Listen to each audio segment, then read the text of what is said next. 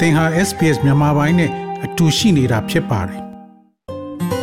SBS မြန်မာပိုင်းကို အင်ကာနဲ့စနေနေ့ည10:00နာရီမှနားဆင်နိုင်တယ်လို့အွန်လိုင်းကနေလည်းအချိန်မီနားဆင်နိုင်ပါပြီ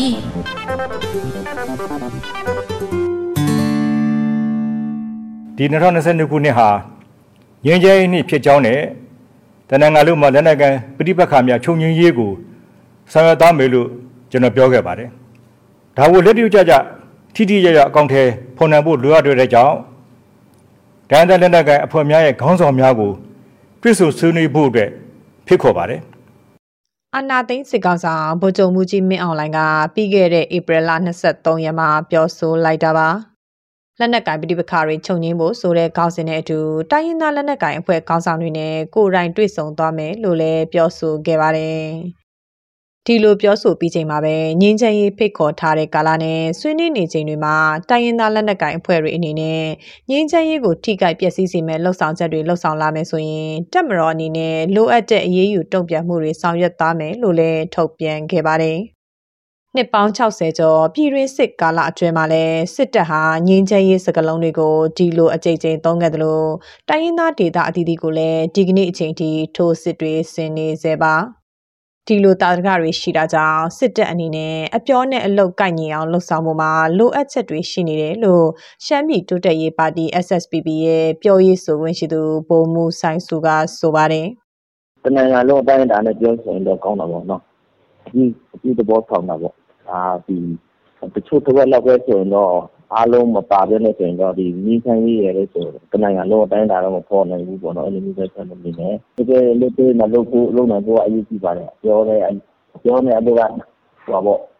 ဒီမှာအဆင်ပြေတာပေါ့နော်အာဒီအပြောနဲ့ပဲအလုပ်ကမကိုက်ညီဘူးဆိုရင်လည်းမဖြစ်ကြဘူးပေါ့နော်တိုင်းရင်းသားလက်နက်ကိုင်ဖွဲ့တွေကိုလာမဲ့မေလ9ရက်မှာနောက်ဆုံးအကြောင်းပြန်ဖို့နဲ့တစ်ဖွဲ့ကိုဥဆောင်သူ2ယောက်တက်ရောက်ဖို့ပြောဆိုထားပါတယ်။ စစ်ကောင်းဆောင်ရဲ့ဖိတ်ခေါ်မှုမှာတော့နိုင်ငံနဲ့အဝမ်းဒီမိုကရေစီအရေးဖော်ဆောင်နေတဲ့ပြည်သူ့ကာကွယ်ရေးတပ်ဖွဲ့ PDF တွေမပါဝင်ပါဘူး။လက်ရှိအချိန်မှာဆိုရင်ပြည်သူ့ကာကွယ်ရေးတပ်ဖွဲ့ဝင်တွေကိုတနိုင်ငံလုံးမှာဖွဲ့စည်းထားပြီးတနိုင်ငံလုံးရဲ့15ရာခိုင်နှုန်းခန့်ကိုလွှမ်းမိုးထားနိုင်တယ်လို့အမျိုးသားညီညွတ်ရေးအစိုးရအန်ယူဂျီရဲ့ပြည်ထောင်စုဝန်ကြီးချုပ်မန်ဝင်းခိုင်တန်းကပြောဆိုထားပါတယ်။ တိုင်းရင်းသားလက်နက်ကိုင်မဟာမိတ်တွေက30ရာခိုင်နှုန်းစိုးမိုးထားနိုင်တဲ့အတွက်စစ်ကောင်စီရဲ့ထိန်းချုပ်နယ်မြေဟာလည်းထက်ဝက်ခန့်သာရှိတော့တယ်လို့ထည့်သွင်းပြောဆိုထားပါတယ်။ပြီးခဲ့တဲ့ရက်ပိုင်းအတွင်းမှာလည်းစစ်ကောင်စီရဲ့တပ်တွေနဲ့ကရင်အမျိုးသားလူမျိုးရေးတပ်မတော် KNL အပါအဝင်ပြည်သူ့ကာကွယ်ရေးပူးပေါင်းတပ်ဖွဲ့တွေကြားကရင်ပြည်နယ်အတွင်းမှာစက်တိုက်ဆိုသလိုတိုက်ပွဲတွေပြင်းထန်ခဲ့ပါတယ်။ ဒီလိုအခြေအနေတွေရှိနေတာကြောင့်စစ်မှန်တဲ့ငြိမ်းချမ်းရေးကိုရဖို့ဆိုရင်စစ်တပ်ဟာနိုင်ငံရေးတဲကထွက်ခွာသွားဖို့လိုအပ်တယ်လို့ကရင်အမျိုးသားစီယုံ KNU ရဲ့ပြောရေးဆိုခွင့်ရှိသူပဒိုစောတော်နီကပြောပါတယ်။ဖြစ်ပေါ်လာမယ့်နိုင်ငံရေးဆွေးနွေးပွဲကိုတော့ကျွန်တော်တို့ပြီးကြတဲ့ပုံစံတိုင်းဘလို့မှလက်ခံလို့မရတော့ဘူးကျွန်တော်တို့ပုံစံအသစ်တစ်မျိုးနဲ့ကျွန်တော်လောက်မှာဖြစ်တယ်ဆိုလိုတာကဒီလိုငញ្ញင်းဆွေးနွေးပွဲမစခင်မှာစစ်ကောင်စီအနေနဲ့ဘာလက်ခံမလဲဆိုတော့တိချက်စစ်တပ်နိုင်ငံရေးဆုံးပါမယ် နှစ်ချက် Federal Democracy ကိုတကယ်တမ်းလက်တွေ့အကောင့်တွေပေါ်ရမယ်တရားဝင်ကြီးညာလိုက်ရမယ်နံပါတ်3ဖြစ်တဲ့အာအသွင်ကူးပြောင်းရေးဆရာတရားမျှတမှုကိုသူတို့လက်ခံရမယ်နံပါတ်4အချက်ကတော့အပြည်ဆိုင်ရာပတ်သက်မှုအထူးသဖြင့်တော့တော့ဆိုင်ရာထိုင်ဝင်းရဲ့ဟိုကြည်ကြမှုရော mediation တွေရောနောက်တော့ supervision ဆိုတဲ့အဲ့ဒီအဲ့ဒီနိုင်ငံရေးဖြစ်စဉ်တစ်ခုလုံးမှာဒါတော့ပါဝင်ရမယ် ဒီလိုအချက်လက်တွေမပါဘူးဘယ်နှမှာကျွန်တော်တို့ဘယ်လိုမှလက်ခံလို့မရဘူး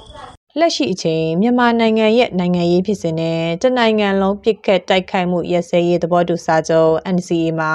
KNU အပါအဝင် စုစုပေါင်း10ဖွဲ့သာလက်မှတ်ရေးထိုးထားပါတယ်တခြားအင်အားကြီးအစုဖွဲ့တွေဖြစ်တဲ့ကချင်လွတ်မြောက်ရေးတပ်မတော် KIA ရခိုင်တပ်တော် AA တအောင်းအမျိုးသားလွတ်မြောက်ရေးတပ်မတော် TNL အပါအဝင် အဖွဲ့အစည်းအများစုကပါဝင်လက်မှတ်ရေးထိုးထားတာမရှိပါဘူး စစ်အာဏာသိမ်းကာလအတွင်းမှာပဲအရင်ကကြိုက်ပွဲတွေမရှိခဲ့တဲ့သကိုင်းမကွေးကစလို့တိုင်းနယ်ပြည်နယ်အနှံ့ပြားမှာကြိုက်ပွဲတွေပြင်းထန်ခဲ့ပါတယ်ဒီလိုဖြစ်ရက်တွေကြောင့်တနိုင်ငံလုံးငြိမ်းချမ်းရေးရနိုင်ဖို့အတွက်ဆိုရင်လက်နက်ကိုင်ဖွဲ့စည်းတွေအားလုံးပါဝင်ဖို့လိုသလိုစစ်ကောင်စီခေါင်းဆောင်အနေနဲ့ထိုးစစ်ဆင်မှုတွေကိုရပ်တန့်ပေးနိုင်ဖို့လိုတယ်လို့တိုင်းရင်းသားလက်နက်ကိုင်ခေါင်းဆောင်အချို့ကတုံ့ပြန်ပါတယ် ဒီအကြောင်းအရာနဲ့ပတ်သက်ပြီးတအောင်းမျိုးသားလူမျိုးရေးတက်မတော် TNL ရဲ့ပြောရေးဆိုခွင့်ရှိသူတူပုံမူကြီးတာအိုက်ကျော်ကအခုဒီတယောက်မှုကဒီအာဘာရှိနေလဲဆိုတော့ဒီတယောက်တယောက်မှုဆိုရတာဒီတာတမလို့ဘယ်မှာစစ်တပ်တဲ့အာပုံမှန်ပဲမူတည်တာဆိုတာပါတယ်အဒီကတော့ဒီအာစစ်တပ်ကတော့သူ့စင်တက်ခိုင်တဲ့အဖွဲ့အစည်းဖြစ်တယ် အတူတူစင်တက်ခိုင်မှုမရှိရင်တက်တော့အဲ့လိုပြင်ထားတာရှိဒီတိုင်းလာဒီဆမ်တယ်ဒီတိုင်းလာပြမလို့ဒီတိုင်းလာဖွဲ့စည်းပြရဆိုတော့ဒီတမလို့ပတ်တိုက်တာကိုကုဒီတမှာပဲကန်စီဆုံးစနေပဲတိုက်ရတက်ခိုင်နေတဲ့ဖွဲ့စည်းဖြစ်တယ်အဲ့ဒါမို့ဒီတပ်တော့အထူးစီစဉ်တက်ခိုင်မှုများရင်တက်တော့သူပြင်ထားတယ်ဆိုတော့သူစီမှုမရှိဘူးရင်တက်တော့ရောကြတယ်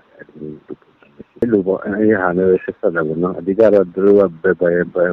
လိုပဲကြီးညာတော့ဒီပြောအဓိကသူတို့ရလို့ဆောင်ချက်ပုံမှန်နေကြတယ်သူသူစီစဉ်တက်ခိုင်မှုကလောက်လာလို့ရှိရင်တက်ကွာပုံပြင်းထန်တယ်သူတို့စီစဉ်တက်ခိုင်မှုမလုပ်ဘူးစင်တော့တက်ကွာရောကြတယ်ဒီပုံစံမျိုးဖြစ်တယ်နေ့စဉ်နဲ့အများဖြစ်ပွားနေတဲ့တိုက်ပွဲတွေကြားမှာစစ်ကောင်စီတပ်ဖွဲ့ဝင်တွေတေဆုံးမှုများခဲ့ရပါတယ်။ ဒါအပြင်စစ်တပ်ဘက်ကနေစွန့်ခွာသွားကြတဲ့ CDM တပ်မတော်သားအရေးအတွက်ဟာလည်းတထောင်ခန့်ရှိလာတယ်လို့အမျိုးသားညီညွတ်ရေးအစိုးရကထုတ်ပြန်ထားပါတယ်။ဒေတာအသီးသီးကတိုက်ပွဲတွေကြောင့်နေရက်စွန့်ခွာတိမ်းရှောင်နေကြရသူတွေဟာလည်းနေ့စဉ်ရက်ဆက်များပြားလာနေတာအခုဆို9သိန်းခန့်ရှိလာပြီလို့ကုလသမဂ္ဂဒုက္ခသည်များဆိုင်ရာမဟာမင်းကြီးယုံ UNHCR ကဧပြီလတတိယအပတ်မှာပဲထုတ်ပြန်ထားပါတယ်။ ဒီလိုလက်ရှိကာလထိတ်တက်ရင်ဆိုင်မှုတွေတိုက်ပွဲတွေပဋိပက္ခတွေကိုဖြေရှင်းနိုင်ဖို့ဆိုရင်စစ်ကောင်စီဟာဖမ်းဆီးထားတဲ့နိုင်ငံရေးကောင်းဆောင်တွေနဲ့ဆက်နံတွေသူတွေကိုလှုပ်ပေးရမှာဖြစ်တယ်လို့နိုင်ငံရေးလှိလာသုံးသပ်သူဦးတန်းစိုးနိုင်ကပြောပါတယ်။ကြအပြင်အမျိုးသားညီညွတ်ရေးအစိုးရနဲ့ပြည်သူ့ကာကွယ်ရေးတပ်ဖွဲ့ဝင်တွေကိုအကြမ်းဖက်ဖွဲ့အဖြစ်သတ်မှတ်ခြင်းကနေပယ်ဖျက်ပြီးဆွေးနွေးဖို့လိုတယ်လို့လည်းဆိုပါတယ်။တကယ်ဖြစ်နေတာက NUG CRPH နဲ့ကျွန်တော်တို့ CDF အဖွဲ့အစည်းအဲ့ဒီအဖွဲ့အစည်းတွေနဲ့ကျွန်တော်တို့ဖြစ်နေတော့ဒါပေမဲ့အဲ့ဒီအဖွဲ့အစည်းတွေကိုအကြမ်းဖက်အဖွဲ့အစည်းဖြစ်ကျွန်တော်တို့စစ်ကောင်စီကတတ်မှတ်ပြီးတော့သူတို့နဲ့ဘာမှမဆွေးနွေးဘူးမြစ်ပြုတ်တော့ချိန်ပုံးမယ်တိုက်ခိုက်မယ်လို့ဒီဘုံကြီးမြောင်းလိုင်းကတတ်မတော်နေရ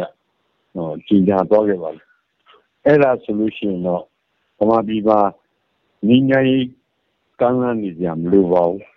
ငြိမ်းချမ်းရေးဆွေးနွေးပွဲတွေလည်းဆက်ကျင်းပနေကြမလို့ပါဘူးဆက်ပြီးတော့အပြတ်အသတ်နော်တစ်ဖက်သက်ကအတန်ရအောင်တိုက်ကြဖို့ပဲလိုတယ်လို့ကျွန်တော်မြင်ပါတယ်ခင်စစ်ကောင်စီဟာအာဏာသိမ်းကာလအတွင်းမှာပဲတောင်ပေါ်မြေပြတ်မကျန်အင်အားသုံးထိုးစစ်ဆင်မှုတွေလေကြောင်းထိုးစစ်တွေလက်နက်ကြီးအလွန်ကျွံပစ်ခတ်တာတွေကိုလှုပ်ဆောင်ခဲ့ပါတယ်။ ဒီလိုပစ်ခတ်မှုတွေကြားမှာပဲလူနေအိမ်တွေကိုမိရှို့တာပြည်သူတောင်းချီဖမ်းဆီးခံရတာဖျားเจ้าတွေအပါအဝင်ဘာသာရေးဆိုင်ရာအဆောက်အဦတွေကိုဖျက်ဆီးခဲ့တာတွေလှုပ်ဆောင်ခဲ့ပါတယ်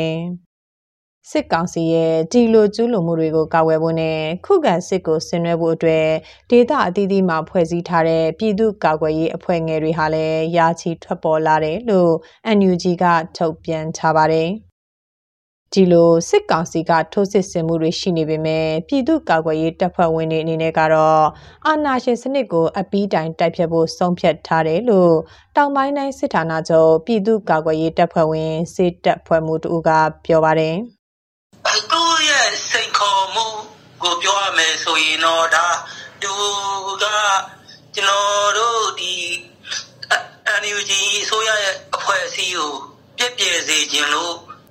အတိုင်းဒါလက်နက်ကိုင် EAO တွေဖွဲ့စည်းတွေကိုစီယုံတာလို့ပဲကျွန်တော်မြင်နေခင်ဗျာသူတို့ဘက်ကဘာတွေပဲပြောနေပြောနေဒဇက်ထိုးစစ်ဆင်နေရပါပဲအဲ့လိုဥစ္စာကိုပြန်သုံးသပ်ကြည့်မယ်ဆိုလို့ရှိရင်ဒါမင်းအောင်လိုင်ရဲ့ဒီ EAO တွေကိုစီယုံတဲ့စကားလုံးငင်းငင်းဆွေးနွေးမယ်ဆိုတဲ့စကားဟာဒါဘလို့မှယုံကြည်ရတဲ့အကြောင်းမရှိဘူးဆိုတာဒါပေါ်လွင်စေပါတယ် ပြည်ရင်းစစ်တမ်းကိုနှစ်ပေါင်းများစွာနေစဉ်နဲ့အမျှပြည်သူတွေဖျက်ကျော်ခဲ့ရပါတယ်။2021ခုနှစ်စစ်တပ်ရဲ့တကြော့ပြန်အာဏာသိမ်းမှုကြားမှာတော့အကောင့်ထဲဖော်စငញ្ញရေးခီးစဉ်ဟာလည်းလမ်းပြောက်ခဲ့ရပါပြီ။အာနာသိန်းစစ်ကောင်ဆောင်ကိုယ်တိုင်တွေ့မယ်ဆိုတဲ့ငြိမ်းချမ်းရေးစကားလုံးတွေကိုလည်းပြည်သူအများစုကမယုံကြည်ရဲဘူးလို့ပြောဆိုနေကြပါတယ်။ တိုင်းရင်းသားအစုအဖွဲ့တွေပြည်သူ့ကာကွယ်ရေးတပ်ဖွဲ့တွေအနေနဲ့မှလည်းစစ်မှန်တဲ့ငြိမ်းချမ်းရေးကိုရဖို့ဆိုရင်နိုင်ငံရေးနယ်ပယ်ထဲမှာစစ်အုပ်စုမရှိဖို့ဟာအရေးကြီးတဲ့ပန်းတိုင်လို့ယုံကြည်နေကြတာပါဒီသတင်းဆောင်မကိုတန်လွင်ခက်ကပေးပို့ထားတာဖြစ်ပါတယ် sbs.com.au/bemis ကို home နေရာမှာထားပြီးတော့အမြဲတမ်းနှာစင်နိုင်ပါတယ်။ နောက်ဆုံးရသတင်းတွေ၊စောင်းမားတွေနဲ့စစ်တမ်းတွေမှာပါဝင်ပြီးတော့ဆက်သွယ်မှုလုပ်နိုင်ပါတယ်။ sbs.com.au/bemis ဖြစ်ပါတယ်ရှင်။